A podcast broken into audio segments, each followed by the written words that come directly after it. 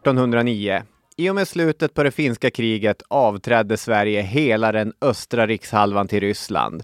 Och ett rike som i 600 år haft ungefär samma öst-västliga utformning gick i graven. Och en ny svensk, och med tiden även en finsk, nationalstat tog sin början. Historieskrivningen formerades samtidigt och efter detta skedde.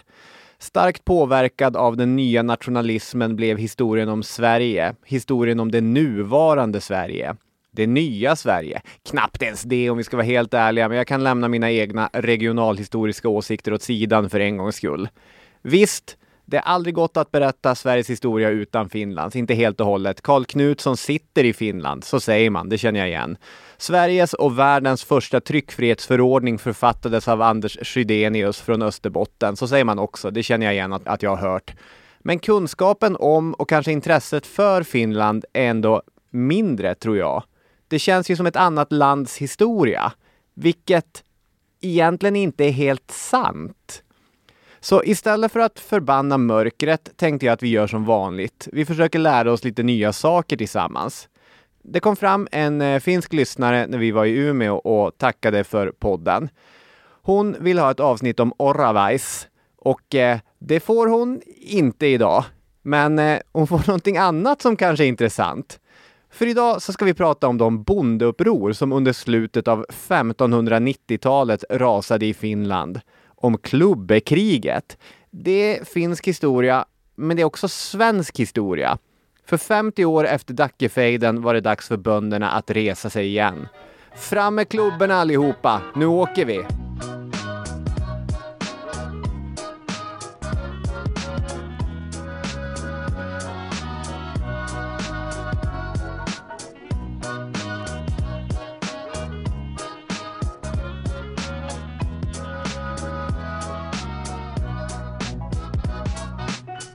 Välkomna, välkomna till Historiepodden. Och eh, härmed är vår turné Krig och fred avslutad. Mm. Vi gick i mål igår i Uppsala. Det gjorde vi. Triumfatoriskt hoppas vi, det har inte skett än. Nej, det har det ju inte faktiskt, men, eh, men ändå. Eh, det, det har varit underbart, trevligt, härligt, roligt att träffa en massa lyssnare och folk under den här hösten tycker jag. Ja. Och det ska vi tacka för. Det blir ju lätt ensamt annars att sitta och bläddra i sina böcker. Precis, men det är ju härligt att träffa, ja, som sagt, finska lyssnare i Umeå som vill avsnitt om Oravais eller Ja. killar i Örebro som vill att man ska prata mer om argentinska ytterbacken Javier Zanetti och, Ja, och så. precis. Ja, ja, tack så jättemycket för eh, den här hösten, alla som har varit och sett oss. Så får vi se när det blir på återseende. Men nu är det eh, klubbkrig klubbekrig som gäller. Vi har läst massa olika saker inför det här avsnittet, som sig bör. Men nästorn i ämnet klubbekriget, han heter Heikki Yllikangas och hans standardverk om klubbekriget heter eh, Klubbekriget, heter den boken. Och, och där konstaterar han att klubbekriget har plöjt djupa fåror som delvis korsar varandra på historieforskningens fält. Alltså, vad var det som drev de finska bönderna att ta till vapen mot den finska adeln och eh, mot eh, kung Sigismunds ståthållare eh, och, och, och så. Och då finns det dels en sorts traditionell förklaringsmodell i finsk historia, att det handlar om en kortslutning i huvudet hos de stackars bönderna som satt där i rikets utmarker. Och den här förklaringen, den skrevs i en tid som präglades av finsk nationell självständighet från Ryssland och som därför menade att den finska adeln, de hade fullt fokus på att hålla gränsen mot öster och sen kunde de gå ganska hårt fram mot, eh, mot bönderna då, som inte förstod att det här nästan behövde ske och reste sig därför, som det kunde heta i äldre finsk historieskrivning, för en sak som ur Finlands synvinkel inte var den rätta. Och det här var ju historiker som kom från överklassen, eller i alla fall omhuldades av överklassen och som inte ville se klubbekriget som eh, att det hade ekonomiska orsaker. Och det här blev ju ännu känsligare i ett land som Finland där man fick ett inbördeskrig mellan vita och röda styrkor. Och där man då kunde komma att se klubbekrigarna som en slags historisk proxy för den röda sidan. Mm. Men arbetarna i inbördeskriget tog ju till vapen, menade man, eftersom de lurats att göra så från bolsjevikerna. Och då är frågan, finns det en liknande kluven tunga i 1590-talets värld? Finns det bolsjeviker som lurar de stackars eh, ryska bönderna där? Ja, eh, alltså det gör det ju även om det är mm, en eh, mycket imponerande piruett om man ska mm, placera Karl den nionde i bolsjevikdräkten. För det är nämligen han det handlar om då i så fall. Och den här idén om att det var någon sorts kollektiv bondekortslutning, att alla bara, bara gjorde sig själv till dumma idioter den håller ju inte riktigt vatten. Däremot så behöver inte det betyda att eh, Karl IXs sirensång inte påverkade under olika faser av klubbekriget. För det finns en stor politisk bakgrund som vi måste förhålla oss till oavsett hur viktig vi sen menar att den är för själva upprorens utbrott eller inte, tänker jag. Everyone knows therapy is great for solving problems, but getting therapy has its own problems too, like finding the right therapist, fitting into their schedule, and of course, the cost. Well, BetterHelp can solve those problems. It's totally online and built around your schedule. It's surprisingly affordable too. Connect with a credentialed therapist by phone, video, or online chat, all from the comfort of your home. Visit betterhelp.com to learn more and save 10% on your first month. That's BetterHelp H E L P. I'm Sandra, and I'm just the professional your small business was looking for. But you didn't hire me because you didn't use LinkedIn jobs. LinkedIn has professionals you can't find anywhere else, including those who aren't actively looking for a new job but might be open to the perfect role, like me. In a given month, over 70% of LinkedIn users don't visit other leading job sites. So if you're not looking on LinkedIn, you'll miss out on great candidates like Sandra. Start hiring professionals like a professional. Post your free job on linkedin.com/people today. Hey, I'm Ryan Reynolds. At Mint Mobile, we like to do the opposite of what Big Wireless does. They charge you a lot, we charge you a little. So naturally, when they announced they'd be raising their prices due to inflation, we decided to deflate our prices due to not hating you. That's right. We're cutting the price of Mint Unlimited from $30 a month to just $15 a month. Give it a try at mintmobile.com slash switch. $45 upfront for three months plus taxes and fees. Promote for new customers for limited time. Unlimited more than 40 gigabytes per month. Slows. Full terms at mintmobile.com.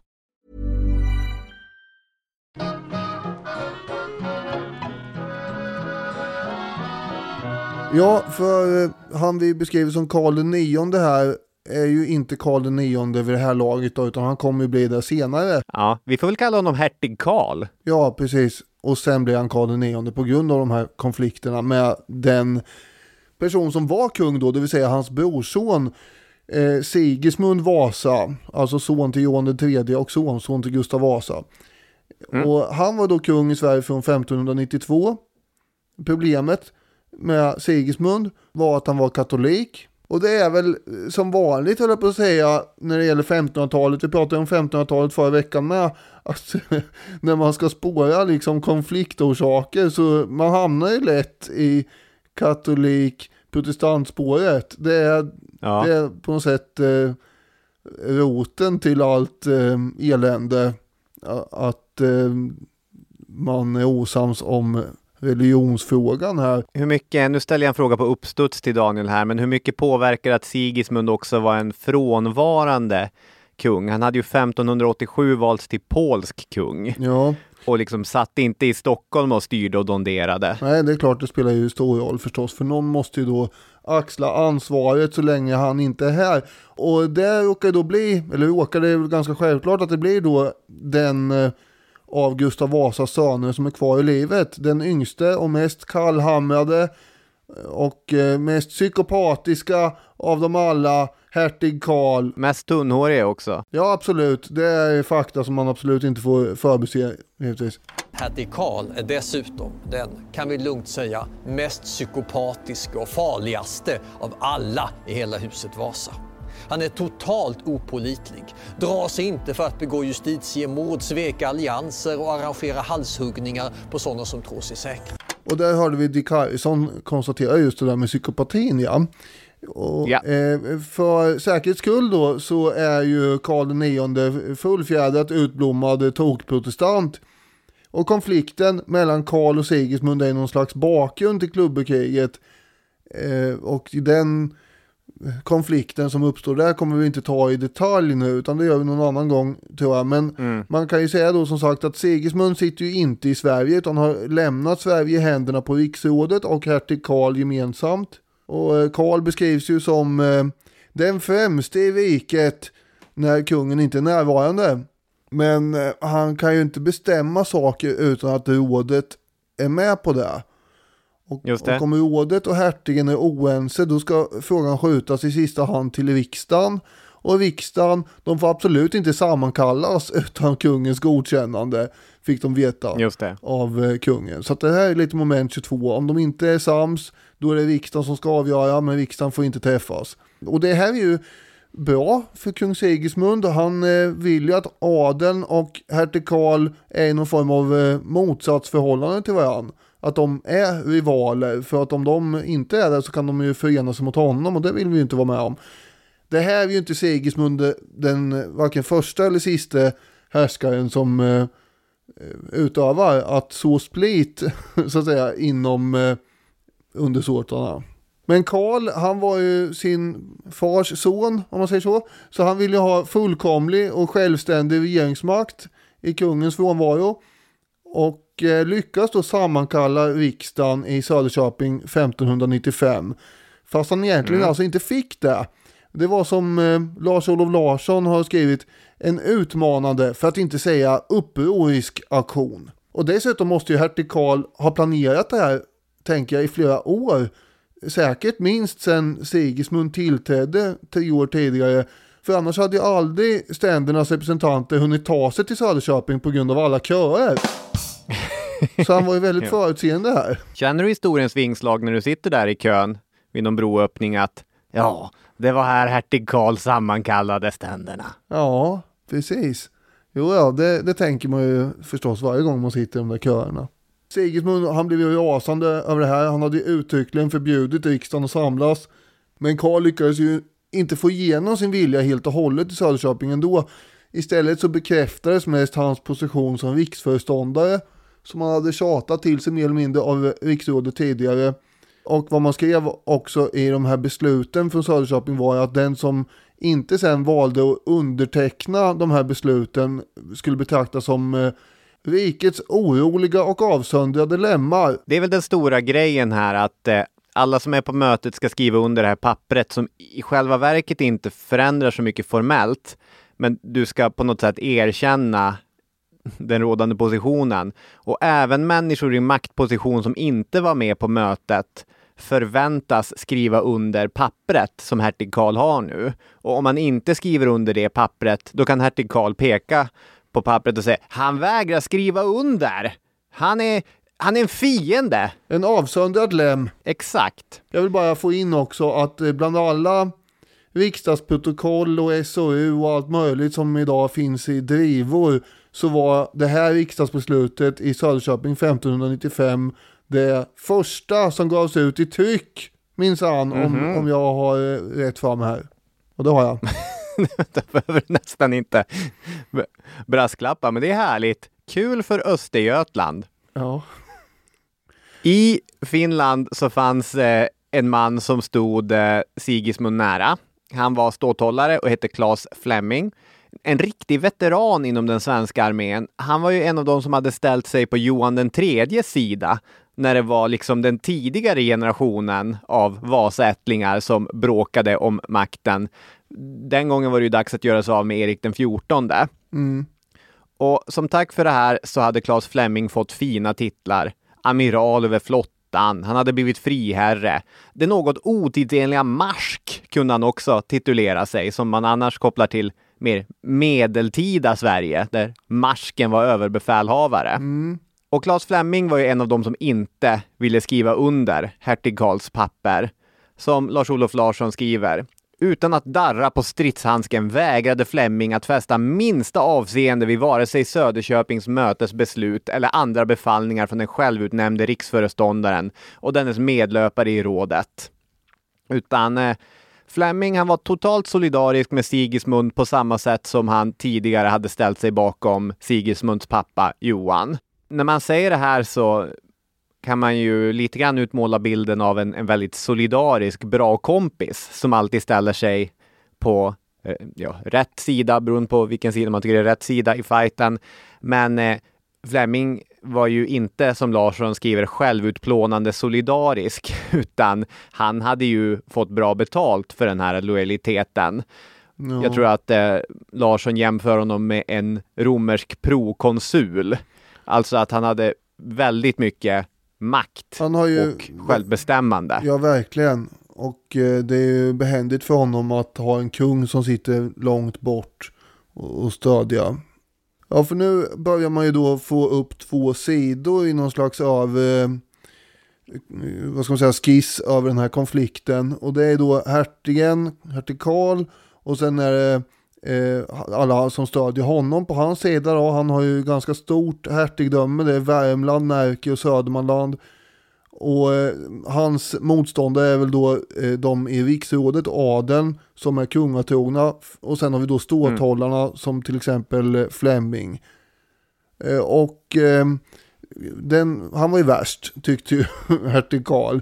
Han tyckte inte alls om Flemming och Flemming tyckte inte om honom så det var ju väldigt ömsesidigt. Eh, Karl spydde ju ur sig skällsord till omgivningen om den här eh, 60 år gamle Flemming. Han kallar honom för den bondeböden och blodhunden och allt möjligt sånt där. Och han menar att Flemming var bottenlöst snål och att han, eh, han gärna eh, satte i sig en hel skinka helt själv. och, och då sa Karl angående det att det ena svinet åter gärna av det andra. Så du har ju att det är, det är lite infekterat här. Det ska man ju ge både Johan den tredje och eh, ja, blivande Karl den nionde då, att när de är upprörda så hittar de väldigt bra förolämpningar. Ja, det är rena Kapten Haddock-invektiven här. Ja, Och enligt Upplands bönder så borde Flemming istället för att prata strunt se till att bli av med alla sina löss och annan orenlighet som eh, drev till och med hans egen fru till vämjelse. Det här kan ju vara elakt förtal förstås från Upplands bönder men eh, hygienen på 1500-talet var kanske inte alltid prio för gamla militärt erfarna farbröder. Så man nej, så aldrig. kan det vara. Det går ju igen det här äh, att eh, Fleming var en eh, bondeplågare och, och en tyrann och hade väldigt hårda nypor. Alltså redan som liten obetydlig officer så hade Gustav Vasa i brev beklagat sig över hur Fleming hade utnyttjat bönderna för onödig skjutsning. Han hade liksom tryckt lite hårt på den där skjutsplikten som bönderna hade. Erik den fjortonde, han hade liknande klagomål. Ja. Så man ska nog säga att eh, Claes Fleming var djupt avskydd inom breda bondelager, framförallt i Finland där han hade sin egen lilla provins. Däremot hade han ju ett starkt stöd ibland den finska adeln. Ja, så även om det här är propaganda så har man ju man har ju inte svårt att köpa den här bilden av Claes Fleming som en hårdhänt ståthållare som föraktar svaga och gnälliga bönder. Nej, Eh, Det finns en skildring av eh, en väldigt tendentiös skildring i och för sig från hertig Karls oäkta son Karl Gyllenhielm. Där eh, han då beskriver en händelse under Arboga riksdag som är kopplad till Fleming. Och då har han sagt så här Gyllenhielm. På denna riksdag kom en karl, ung och stark person ifrån Österbotten, vilken hade hotat gamle Flemingen att klaga för hertig Karl den våld och orätt som honom bevistes. Därför Flemingen hade låtit honom fast taga och skära ett stort stycke av tungan på honom, sägandes gack nu och klaga. Denne kunde nu inte tala, utan han måste sticka fingren i munnen emot tungan, så förde han orden fram om sin mening. Eh, Ja, alltså här har då Fleming skurit av halva tungan på en karl som hotade att klaga till hertigen om hur han eh, betedde sig. Och som sagt, det här var ju då hertig Karls son visserligen som meddelade det här. Så att det är ju tendenser i det hela. Men det finns många Ja. sådana här historier. Om eh, Ja. Det är liksom mängden berättelser får Och Ja. det faktum att snart kommer halva Finland att resa sig mot honom tycker jag också är en bra indikator. Det är en indikator.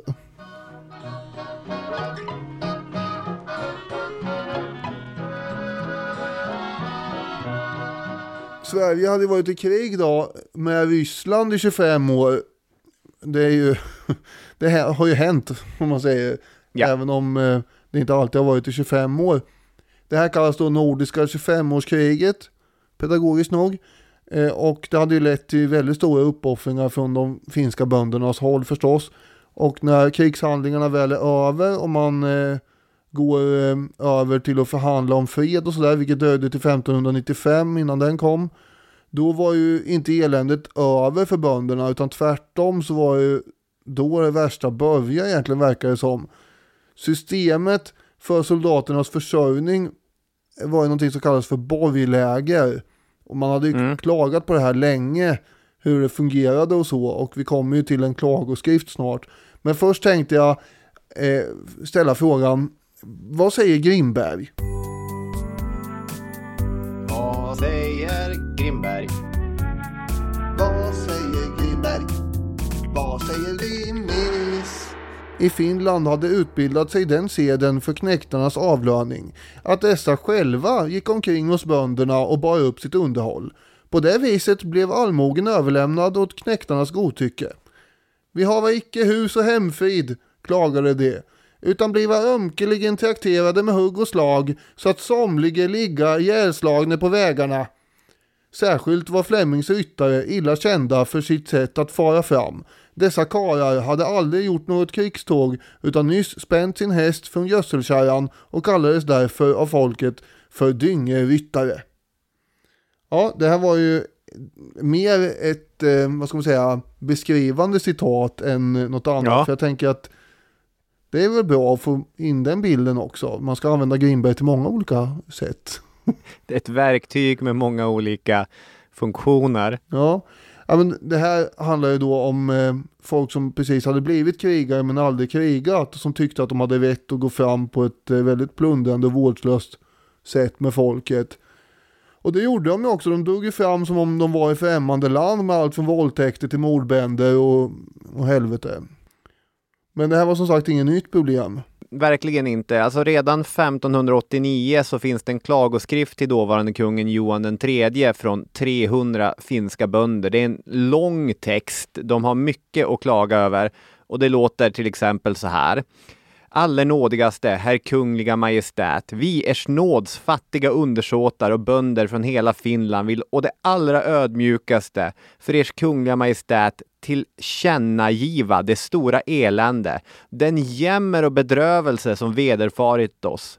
Den nöd vi befinner oss i har tvingat oss att i all undernådighet besöka Ers nåds högmäktighet och här invänta Ers nåds hemkomst en lång tid, så att vi nu ansätts av stor hunger och en del av oss har svultit ihjäl. Och så sen så klagar de över hur storbönder, rusthållare och länsmän och lågadel plågar den fattiga bondebefolkningen, citat, tio gånger värre än förut. De fängslar, plågar och bötfäller oss som de behagar. Och så i slutet av det här mycket långa brevet eh, så kommer man med en konkret lösning också. Att eh, Ers Majestät ska påbjuda att ryttarna ska ligga på slotten och festerna och i kungsgården så ska vi fattiga erlägga våra avgifter efter vår yttersta förmåga. Vi kan betala skatt, det kan vi göra, men håll ryttarna borta från oss. Det är för jobbigt. Ja, ja de eh, mer eller mindre klagar ju framförallt på oegentlighet och korruption. Inte det faktum att de behöver betala skatt eller något sånt. Nej. Eller in, inte ens på krigen, utan skatten ska gå till det skatten ska gå till. Men eh, kungens, eh, så att säga, borgar, de står ju tomma och skralar medan fogdarna har fyllt sina egna hem med silverkannor och de har skepp och rusthästar och, och dyra grejer. Det är dyra saker. Så det är ju, det är det, skattepengarna vinner iväg till sånt som det inte ska vinna iväg till. Det är också så i Finland att det är en ganska liten befolkning och det är få städer, så bönderna får bära ett stort ansvar för att hålla de här arméerna och det här rytteriet på fötterna, vilket gör att det tär mycket. Det är verkligen ett stort problem för dem. Att det här var en mycket instabil situation som hade vuxit fram och att eh, det kanske skulle sluta i våld. Det fanns ju tecken redan tillbaka på 1570-talet som visade på det. I södra Finlands Rekijoki så gick bönder 1574 samman för att beslagta rytteriets hästar som de dessutom slaktade och de här knäktarna som fanns där drevs på flykt och misshandlades. Den gången blev det inget större uppror utan man, man kunde desarmera situationen. Men det, här märker man att eh, bönderna är inte nöjda. Det är framförallt på 1590-talet som det drar igång kan man säga eh, och blir flera mindre uppror. 1593 så var det ju fem upproriska bönder i Tavastland som infångades och avrättades på Flemings order. Det var ju tänkt att statuera exempel med de här fem men det där hjälpte inte riktigt. Det tog tid innan vågen av det här upproret tonade ut kan man säga. Och sen var det dags igen i december 1595 då det är ett gäng bönder i norra Savolax som fick nog på de här knäktarna och att de tog allt som de här familjerna hade att äta och så. Så de slog ihjäl en fyra, fem ryttare. De kanske hade dränkt ett gäng också under julnatten finns det uppgifter om. Och i januari 1596 så organiserar de sig och så vidare och väljer ledare och plockar fram sina stridsklubbor som då har spikar. För det här är ju ett effektivt och billigt vapen. Alla klubbor hade inte spikar. Men det här var ju det man, eh, man slogs med. Eh, och eh, det var ju effektivt alltså. Och billigt återigen. Och motsvarigheten kanske till de här bergmännens armborst i Sverige. Tänker jag mig. För var, det är där svenska upprorsmän har och kommer dragandes med de här armborsten. Och här har man då klu- klubborna. Daniel mimar lite effektivt hur man håller i en klubba och du var även lite grann iväg där med när armborsten kom på tal. Ja, Men eh, de hade spikklubbor ja. Därav klubbekriget. exakt. Och de angriper ju då de här husen där knäktarna håller till. Och någon slank väl ur greppet och informerade Flemming och han sände iväg en massa ryttare som snabbt jagar ut de här bönderna i skogen och hugger ner dem. Och det kommer bli en återkommande sång i det här som nästan blir eh, på repeat. Att det kommer ryttare som jagar ut bönder i skogarna. Och det här upproret slås ju ner och ryttarna ska hämnas genom ännu hårdhäntare plundring, misshandel och våldtäkter. I Österbotten så levde ju framförallt svenskspråkiga bönder och de gjorde också uppror 1596. Ledaren för det upproret var dock eh, en Jakob Bengtsson Ilka, en finne som var eh, gift med en svensk fru och därmed också, ja han var tvåspråkig. Och eh, storbonde, handelsman och sen tidigare också militär ryttare i kriget mot Ryssland. Så han hade ju kontakter och militär erfarenhet och kunde prata båda språken som sagt och vann ju då förtroende hos Österbottens bönder. Och han hade också en köpmannakontakt som var någon slags länk till hertig Karl som Ilka hoppades skulle rycka in för att hjälpa till här. Hans eh, handelsrivaler var en familj som hette Peltoniemi och de eh, hade ju då samarbetat med Flemming. Man kan lätt dela in det här i två sidor om man säger så. Och det börjar ju det här upproret med att eh, man eh, säger att vi vägrar betala smörskatt Ja. här i Österbotten. Det är som Gandhis eh, saltskatt, det ska vi inte hålla på med. Ja, det är ju en eh, spänstig jämförelse Tack. där mellan Österbotten och eh, Indien. Och då får de ett brev direkt från hertig Karl som låter dem veta att ni ska absolut inte betala någon skatt. Inte ett öre ska ni skatta på smöret. Och dessutom ska ni inte behöva tåla ett endaste borgläger till. Det är skönt att höra. Ja, hertig Karl är ju på deras sida här. De nås i och för sig av information från Flemming också som säger det är strunt. Betala smörskatten, skärper. Det är ett hut. Och det som till början då var mer av ett motstånd än ett uppror kom nu att bli våldsamt då Jakob Ilka, den här upprorsledaren och hans finlandssvenska bönder börjar ge sig på knektar enligt beprövad modell.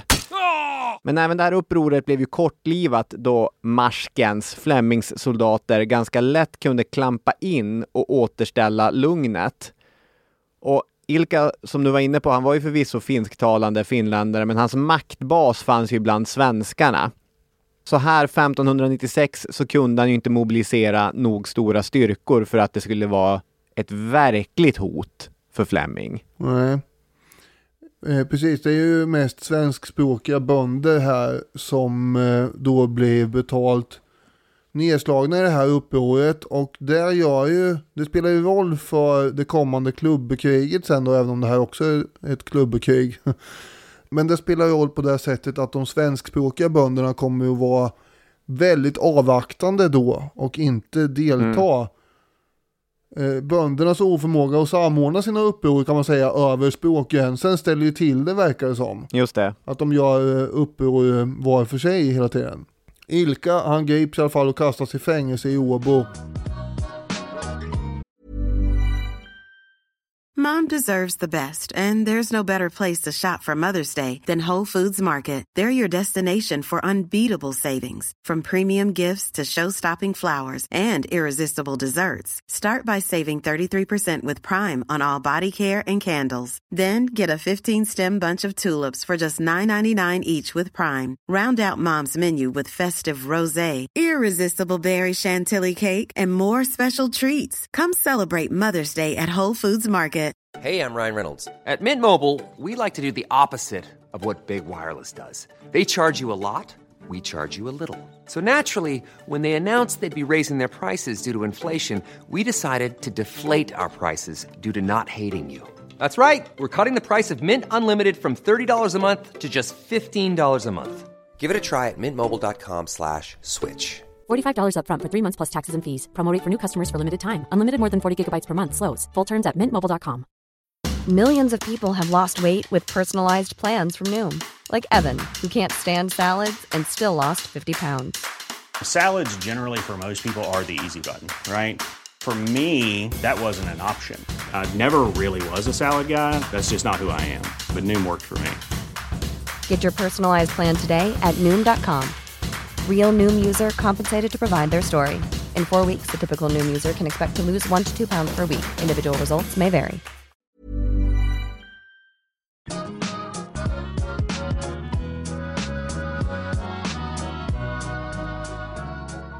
Under hösten här år 1596 så gick det ju rykten om uppror igen och folk var som vanligt förbannade och frustrerade.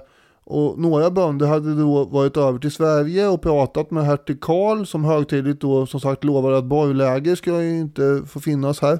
Det är självklart hörni, det behöver ni inte oroa er över. Det här, det ska bort. Lite populistiskt är det ju. Ja, det är det och, och populärt var det. Ja, det får man ju säga och det är inte så konstigt. Eh, och det här är väl det här då som är den där kluvna tungan du pratade om innan. Att han håller på och det är lite agitatoriskt är vi ju. Av eh, egna intressen själv. Oh ja, han vill ju bli av med Fleming eller vill försvåra det för Fleming Mm. på alla sätt och vis. Sen har ju bönderna egna ekonomiska, sociala och politiska drivkrafter i att försöka ändra sin situation. För de är inte arga på borglägren för att hertig Karl säger att borglägren är fel, utan de är ju arga på borglägren för att det är ett jävla gissel för dem. Ja, så är det Och när de här representanterna kommer tillbaka då så hålls det ett möte i Kyro kyrka den 25 november. Och samtidigt som de håller det här mötet så står ju några knäktar i närheten. Och ilskan bubblar ju och samtidigt som den gör det så dricks det en del sprit va.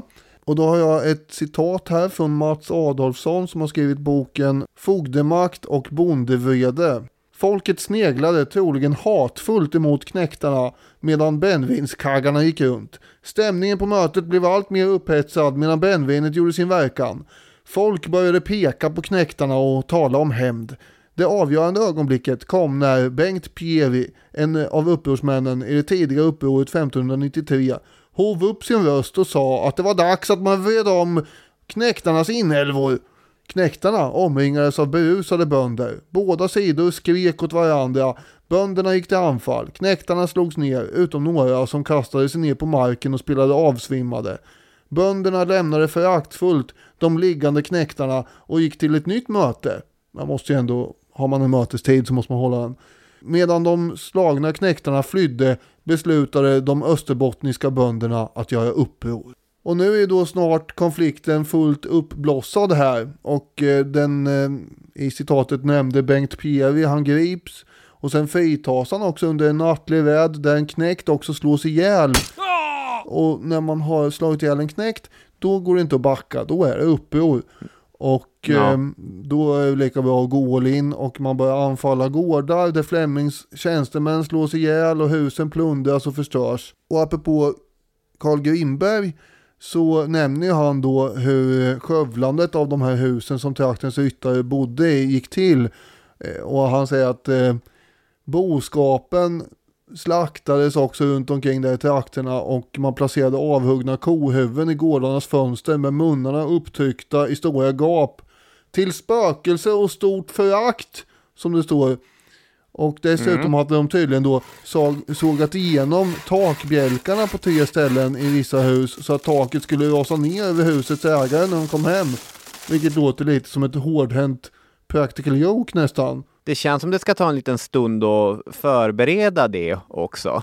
Det är ju, är det det mest tidseffektiva sättet att Alltså, visa sitt missnöje? Såga, såga. Vänta, jag sågar inte rakt igenom där för då kan det gå illa för oss här inne. Nej, bara halva där ja. Och sen hoppas man på att de slänger igen dörren så hårt som möjligt när de kommer hem så att det där brakar ihop dem. Sen träffas man och nu utser man den eh, fritagne Jakob Ilka till ledare för hela upproret. Mm. Så har vi här en österbottnisk Nils Dacke som framträder. Det har vi ju eh, kan man säga.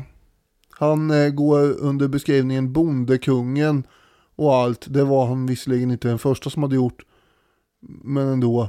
Det var en ganska upphöjd maktposition det där ändå. För han eh, får ju då rätt att ge order om avrättningar och så vidare. Så att det är en auktoritär position han får av bönderna ändå. När de utser honom då Mm. till ledare här. Och som du var inne på, eventuellt hade väl tärningen redan kastats när man hade slagit ihjäl första knäkten.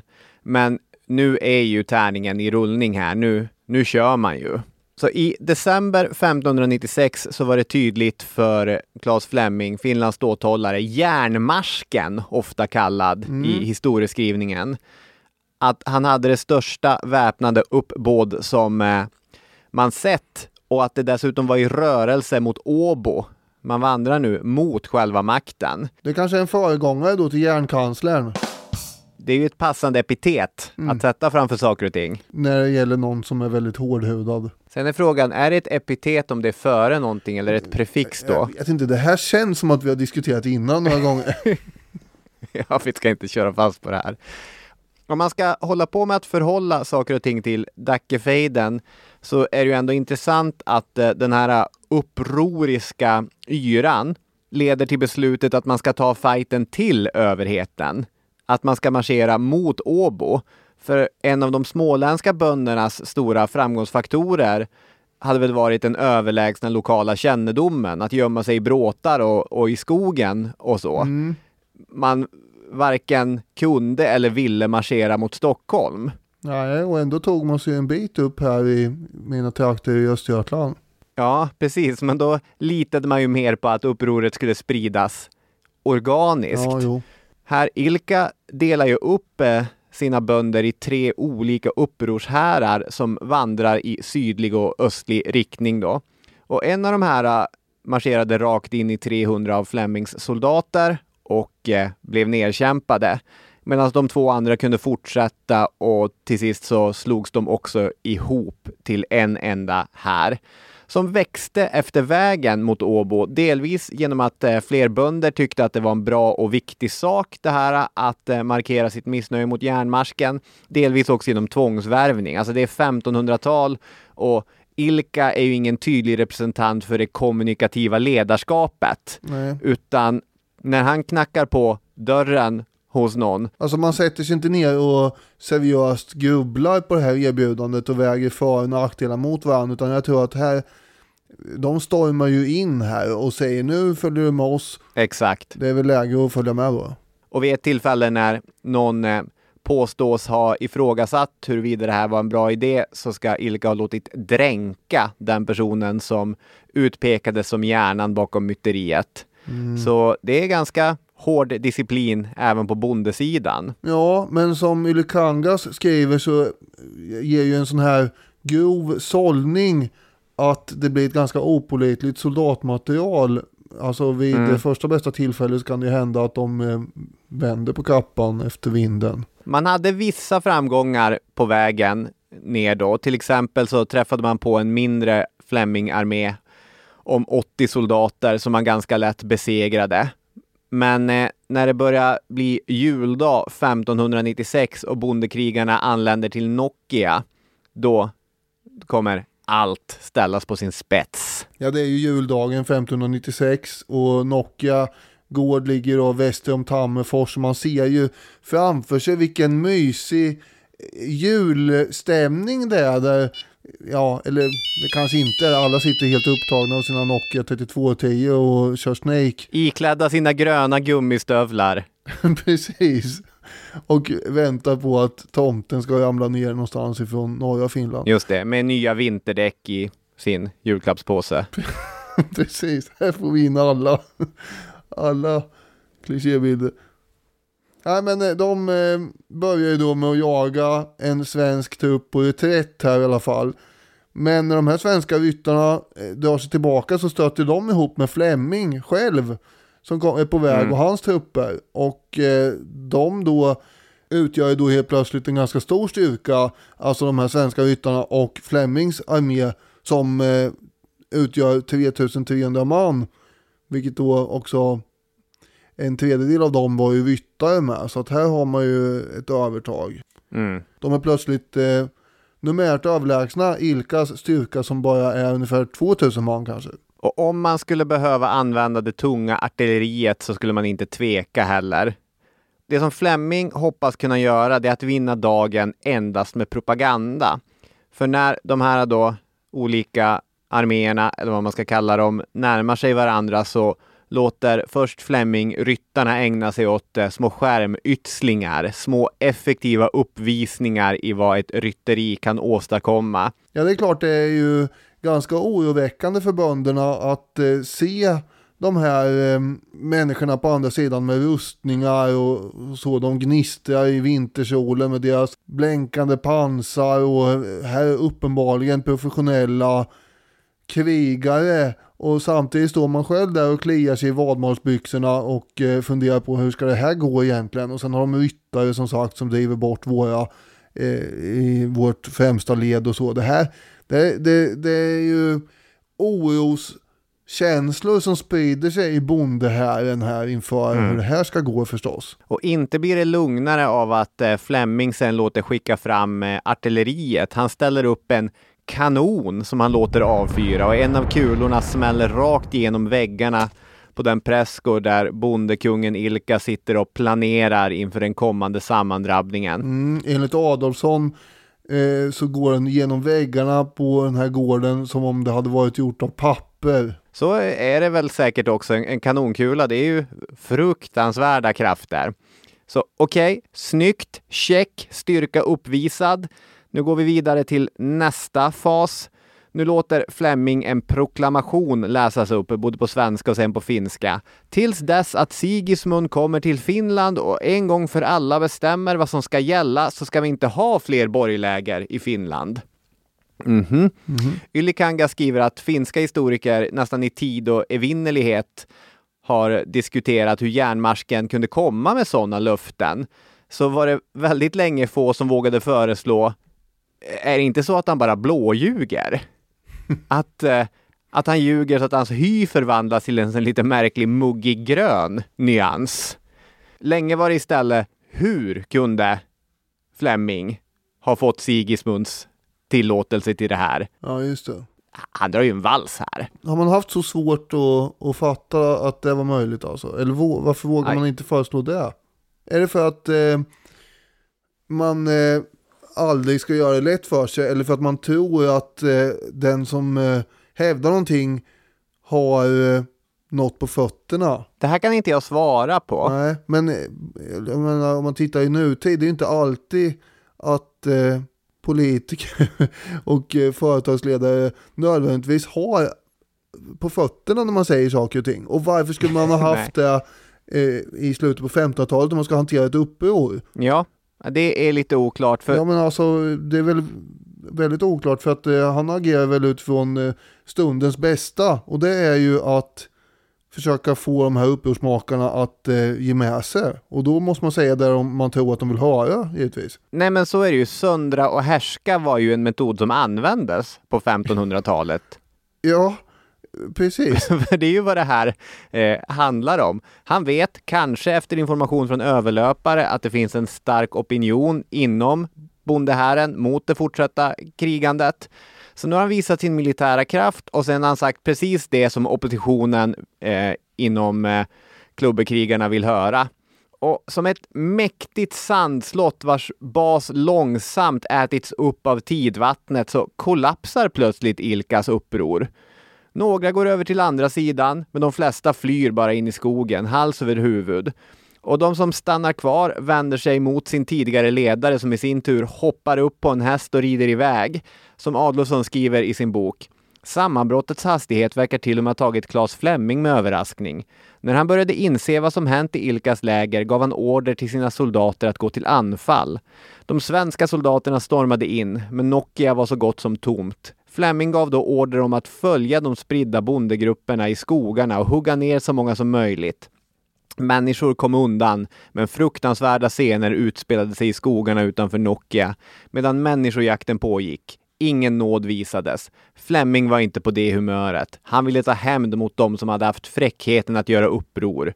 Under nyårsnatten togs inga fångar. Hundratals lik lades i travar. Och på nyårsdagen sen så börjar ju då ryttarna istället för att döda bönder i skogen rikta in sig på att plundra och skövla i byarna. Exakt den slags aktivitet som hade satt igång upproret alltså. Och när man yeah. stöter på sådana där uppgifter så, då, alltså jag tänker att det, det finns fast ingen kosmisk rättvisa alls. Och när Ilka sen kommer hem så då fångas han ju snart in av andra bönder som eh, överlämnar honom av, eh, av ren överlevnadsinstinkt nästan själva. Han kommer rådbråkas framför den kyrkan i Kyrå där hela det här upproret hade tagit sin början.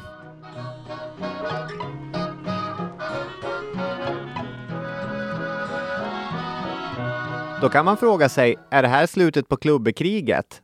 Nej då, det finns fortfarande krut kvar i den här krutdurken, för det är flera intressanta grejer här. Dels, trots att informationen nu hade börjat spridas om att Ilkas stora här hade skingrats vind för våg, så var det fortfarande rätt uppeldat i Finland.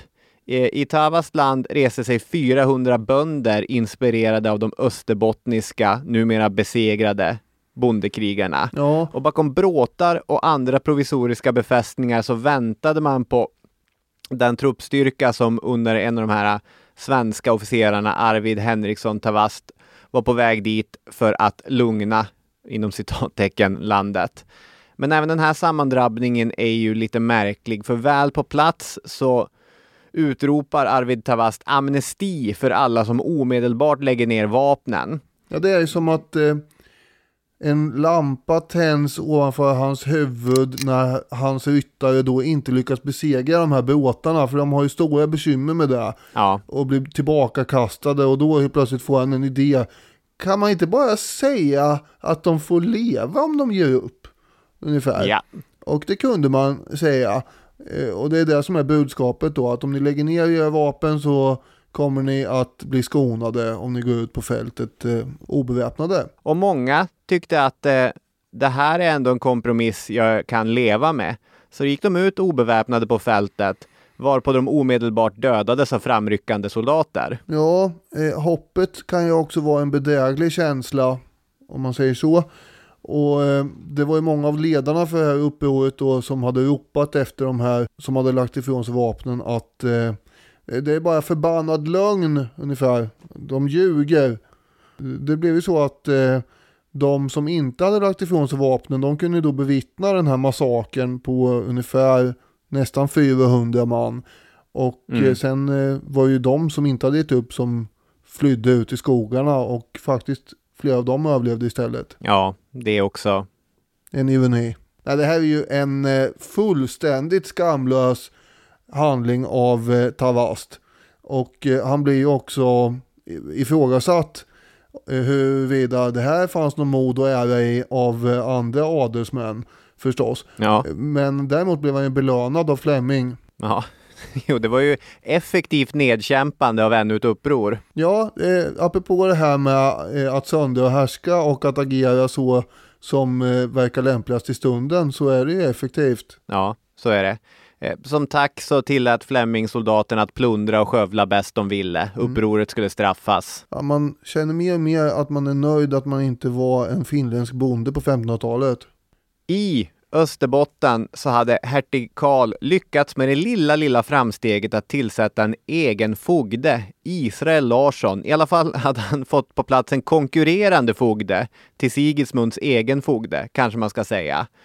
Och det här är värt att lyfta eftersom den sista fasen av klubbekriget kommer äga rum i norra Österbotten. Många har gjort den poängen att eh, eftersom bönderna i norra Österbotten var mindre utsatta för knäktarnas återkommande försörjningskrav, de här borglägren, och eftersom bönderna där överlag var mindre fattiga så är det inte riktigt lika enkelt att säga att även den här sista fasen av kriget enkelt kan förklaras med ekonomiska orsaker. Alltså det var väl inget livet på en pinne, feta gåsamiddagar och så i, i norra Österbotten. Ja, det tror jag var väldigt sällsynt. Men det fanns ändå lite mer välstånd där än hos många andra finska bondetrakter. Ja. Och då har man ställt frågan, kan det varit så då att det är Karls propaganda som inspirerar till den sista fasen av resning mot Fleming? Eller är det ilska över vad de sett äga rum under föregående månads uppror i stora delar av Finland? Vi vet i alla fall att Karls man Israel Larsson svingade vilt mot Sigismund. Men om det faktiskt hade någon egentlig verkan är ju mycket, mycket svårare att svara på. ja, det kan ju ha bidragit förstås. Vi får komma ihåg då att eh, den här gången är det de finskspråkiga bönderna i eh, Österbotten som gör uppror. Det är alltså samma län, eller vad man ska säga, Mm.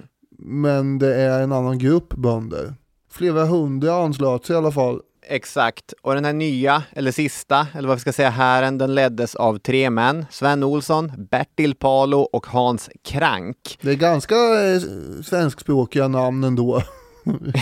men, eh, men ändå var majoriteten åtminstone finskspråkiga.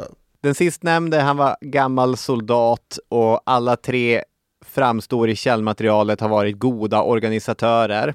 Och återigen samlar man ihop hundratals soldater som beväpnas efter bästa förmåga.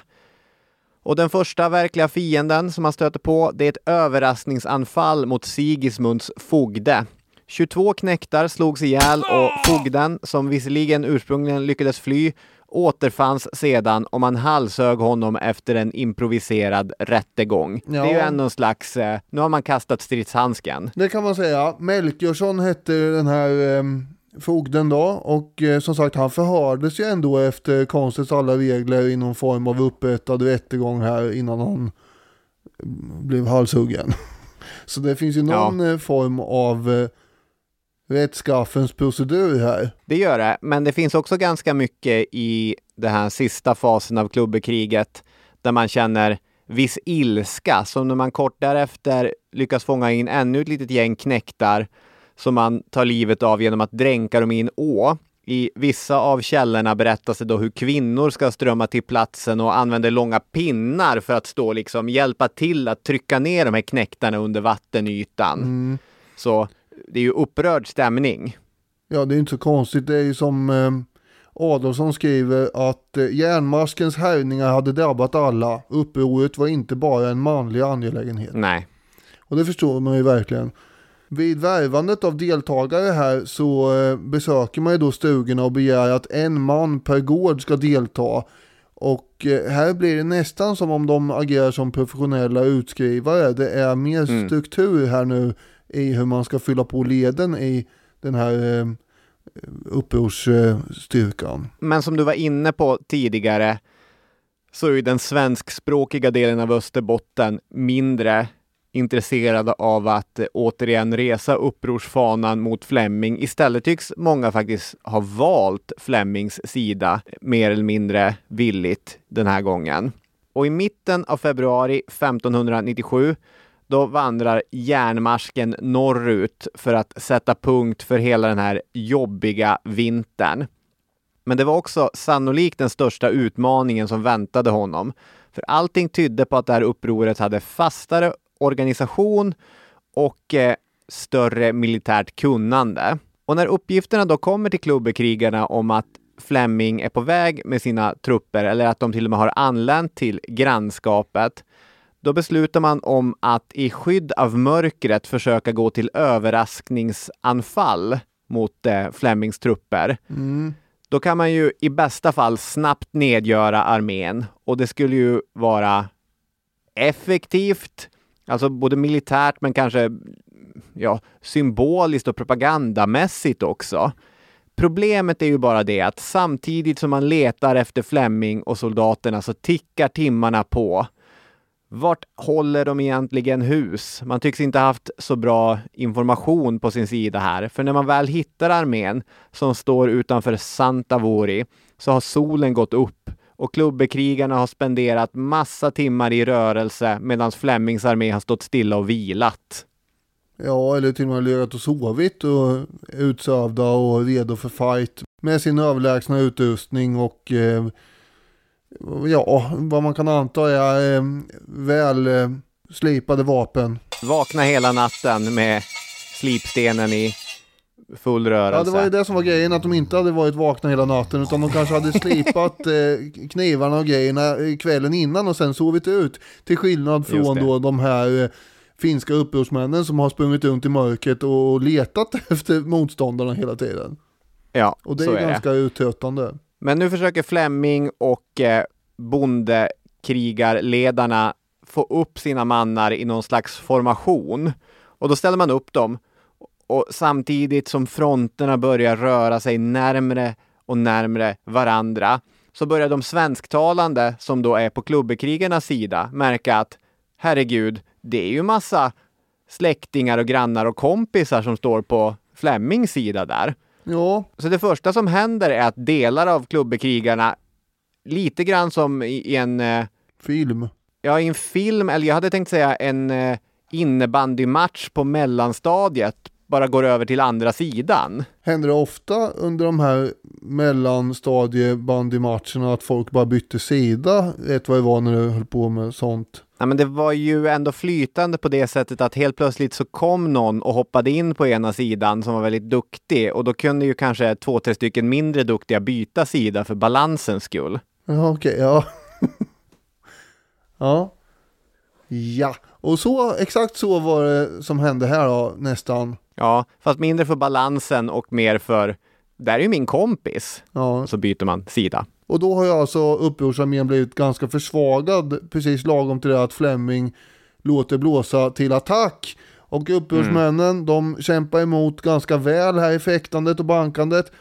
Eh, och till slut så krävs det då militär finess och taktik med kringgående rörelser och grejer med kavalleriet för att bönderna ska vara i en hopplös och eh, omringad situation. Och det Ja. är då de som kan börja fly in i skogarna igen som vanligt. Det fanns en gles skog där Flemings ryttare kunde trockla sig igenom. Det tog lite tid, men på det sättet så tog man sig runt och till sist så kunde man slå en stor ring runt klubbekrigarna. Och du är ju ändå, Daniel, poddens militärhistoriker. Är det en situation på slagfältet man gärna vill finna sig i, omringad? Nej, och det tror jag att, att du också förstår.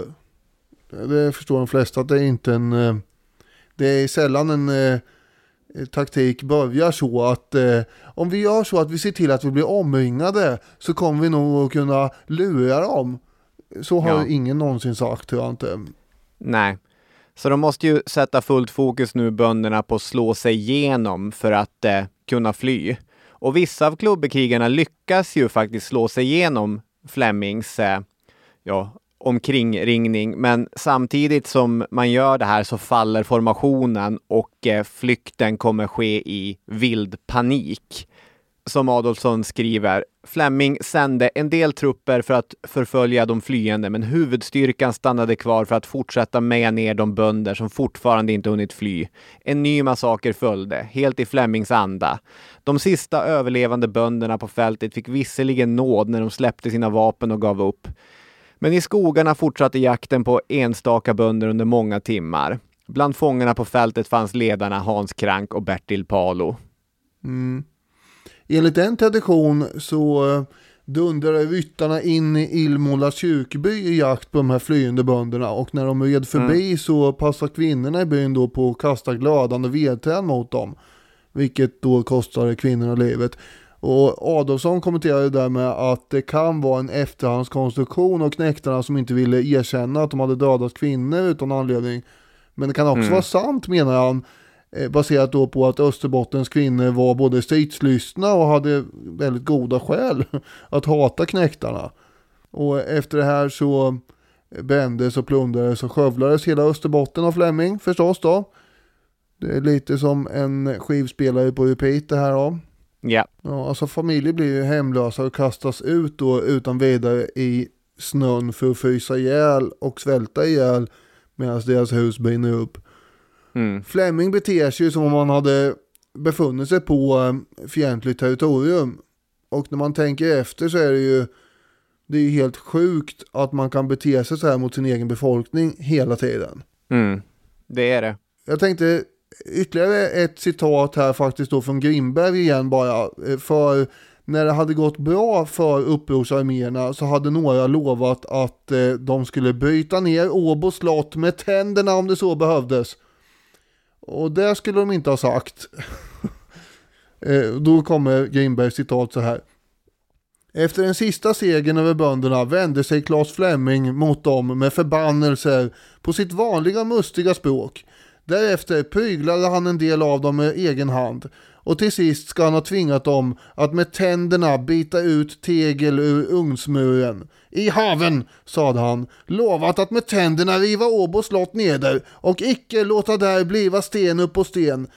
Försöker nu hur lätt det är att riva ugnen neder, som så mycket mindre är med edre tänder. Så jag ser framför mig hur han har tvingat en del bönder att gnaga på Åbos mur bara för att verkligen visa att ni är förödmjukade till max här. Om någon känner nu att eh, den här Claes Fleming verkligen osympatisk herre. Honom gillar jag inte alls. Han är inte alls som Oxenstierna i pappa-avsnittet som gick hem i, i breda folklager. Mysig, härlig kille. Så känns inte alls Claes Fleming. Nej. Då kan jag i alla fall trösta er med att eh, det här skedde då i mitten av februari 1597 april så kommer Fleming vara död. Ja, det är väl någon form av tröst i det. Och eh, han är sörjd av ingen. Möjligen då i och för sig eh, änkan Ebba. Det var ju så att eh, hertig Karl kom dit några månader senare och intog Åbo slott och krävde då att få se Flemings lik eftersom det fanns rykten om att han trots allt levde någonstans i Polen. Och när han då fick se järnmaskens lik så ska han ha sagt att eh, om du nu levat hade ditt huvud icke suttit mycket säkert. Samtidigt som han dog i skägget på gubben då. varpå, varpå då Ebba ska ha replikerat att eh, om min salige herre levat så hade ers nåd aldrig kommit här in. Ja, så att eh, ja. det är en scen också. Men det är också lite grann av ett tomt hot att säga till en död man att om du var i livet skulle jag döda dig. Ja, ja det är tomt hot i och för sig. Men man förstår ju att det var hårda tider med brutala ledare när man känner att Karl IX var en älskvärd och humant lagd människa jämfört med Claes ja. Fleming. För vi får komma så ihåg att det här är då perioden när Karl IX sen styr Sverige och Finland så är det den period som eh, Eh, innebär att flest människor i landets historia avrättas för olika brott. Så att det, det, är, det är tunga tider. Ja, verkligen en drakonisk härskare. Den man som ersatte Flemming, Arvid Stålarm, var inte en bondeplågare av samma rang och några nya klubberesningar blev det inte. Däremot skulle ju den finska adel som ställt sig bakom Flemming eh, få sitt tillbaka. För när hertig Karl skulle tvinga in den finska adeln i ledet så skulle man istället ställas mot kungliga styrkor och då var det svårare än mot klubbekrigare. Enligt eh, en berättelse ska Karls officerare bett klubbekrigarna att peka ut de gårdar som värst plågat befolkningen och sen själv plundrat, våldtagit och bränt sig fram genom just de trakterna. Inte då för att Karl var en stor bondevän utan för att eh, visa, som en maktdemonstration helt Mm. enkelt.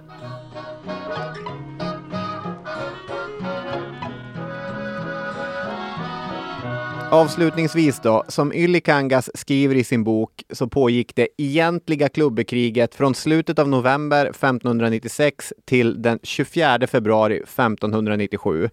Då dödades fler än 3000 människor totalt, vilket utgjorde hisnande 1,5 procent av den dåvarande finska befolkningen. Och han gör en ganska intressant sak, nämligen att han ställer klubbekriget i relation till vad som sker i resten av Europa. Alltså någon sorts internationell jämförelse. Det finns en engelsk historiker som heter Henry Kamens, eller Kamens, som har kartlagt de europeiska bonderesningarna.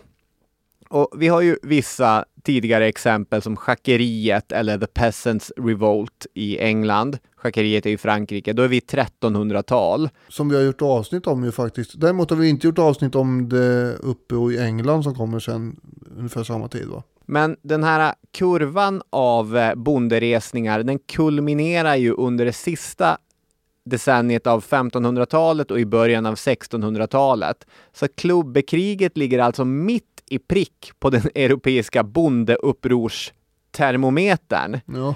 Bara i Provence hade vi från 1596 till 1635 108 bondeuppror av olika storlek. Var det, som vissa historiker då har föreslagit, helt enkelt så att bondeuppror var att betrakta som någonting vardagligt. Det var böndernas möjlighet att höja rösten, att likställa med arbetares strejker, vilket till exempel en fransk historiker, Marc Bloch, har föreslagit. Men de europeiska bönder som reste högaffel och fackla mot överheten, de var i regel livegna. Och de finska bönderna, de må ha varit fattiga, men fria, det var de. Och en annan intressant grej, det är att Finland efter klubbekriget utgör Europas minst bondekrigiska region. Alltså här blir det inga fler stora bonderesningar. Sverige och de brittiska öarna är i ungefär samma område. Det är väldigt lugnt när det kommer till bondeuppror, även i Sverige och på de brittiska öarna. Men Finland är lugnast. Och då skriver Ylikangas. Om vi frågar oss varför inga nya resningar följde på klubbekriget medan upproren på nästan alla andra håll fortsatte, tycks en viss linje kunna erbjuda svar. Bönderna fick på 1600-talet två forum som ägnade sig för konfliktlösning på fredlig väg. Riksdagsinstitution och ett utvecklat domstolsväsende. Vid riksdagarna, som sammankallades tämligen regelbundet, utgjorde bönderna det fjärde ståndet. I och med hovrättsinsatsen infördes ett system som innebar att en given dom kunde överklagas ända upp till kungen. Så bönderna hade alltså två olika forum. Man kunde gå till, eh, till domstol eller man kunde försöka ta det via riksdagen. Skönt! Det skulle ju ha varit en snygg väg ut. Vi har fredliga forum för bönderna att driva sina frågor. Ja, ja det är behändigt. Ja, verk- verkligt behändigt.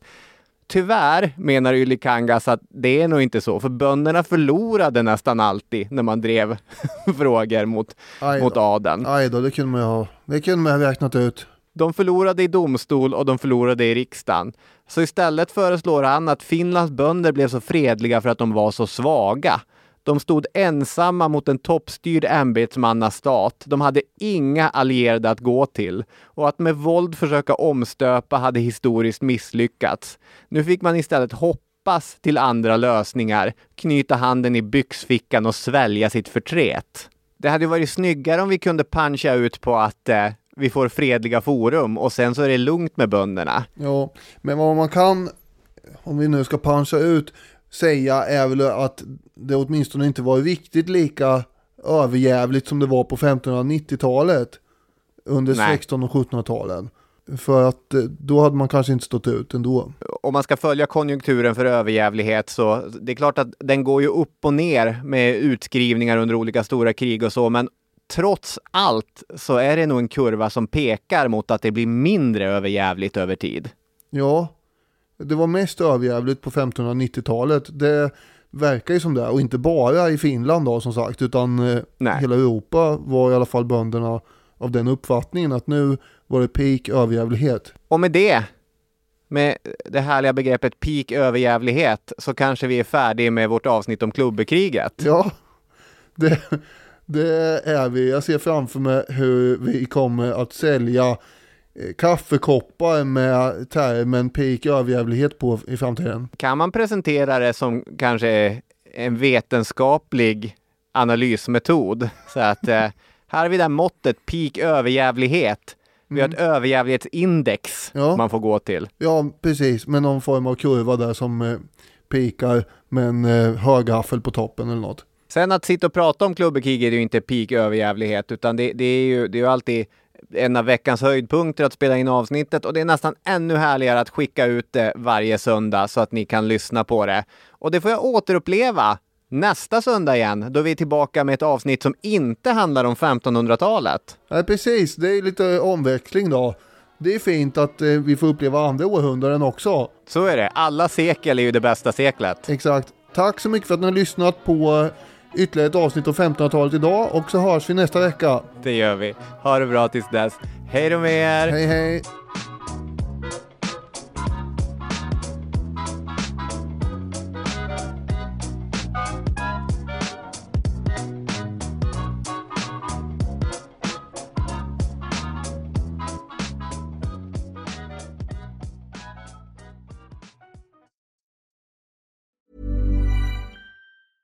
Mom deserves the best, and there's no better place to shop for Mother's Day than Whole Foods Market. They're your destination for unbeatable savings, from premium gifts to show-stopping flowers and irresistible desserts. Start by saving 33% with Prime on all body care and candles. Then get a 15-stem bunch of tulips for just $9.99 each with Prime. Round out Mom's menu with festive rosé, irresistible berry chantilly cake, and more special treats. Come celebrate Mother's Day at Whole Foods Market.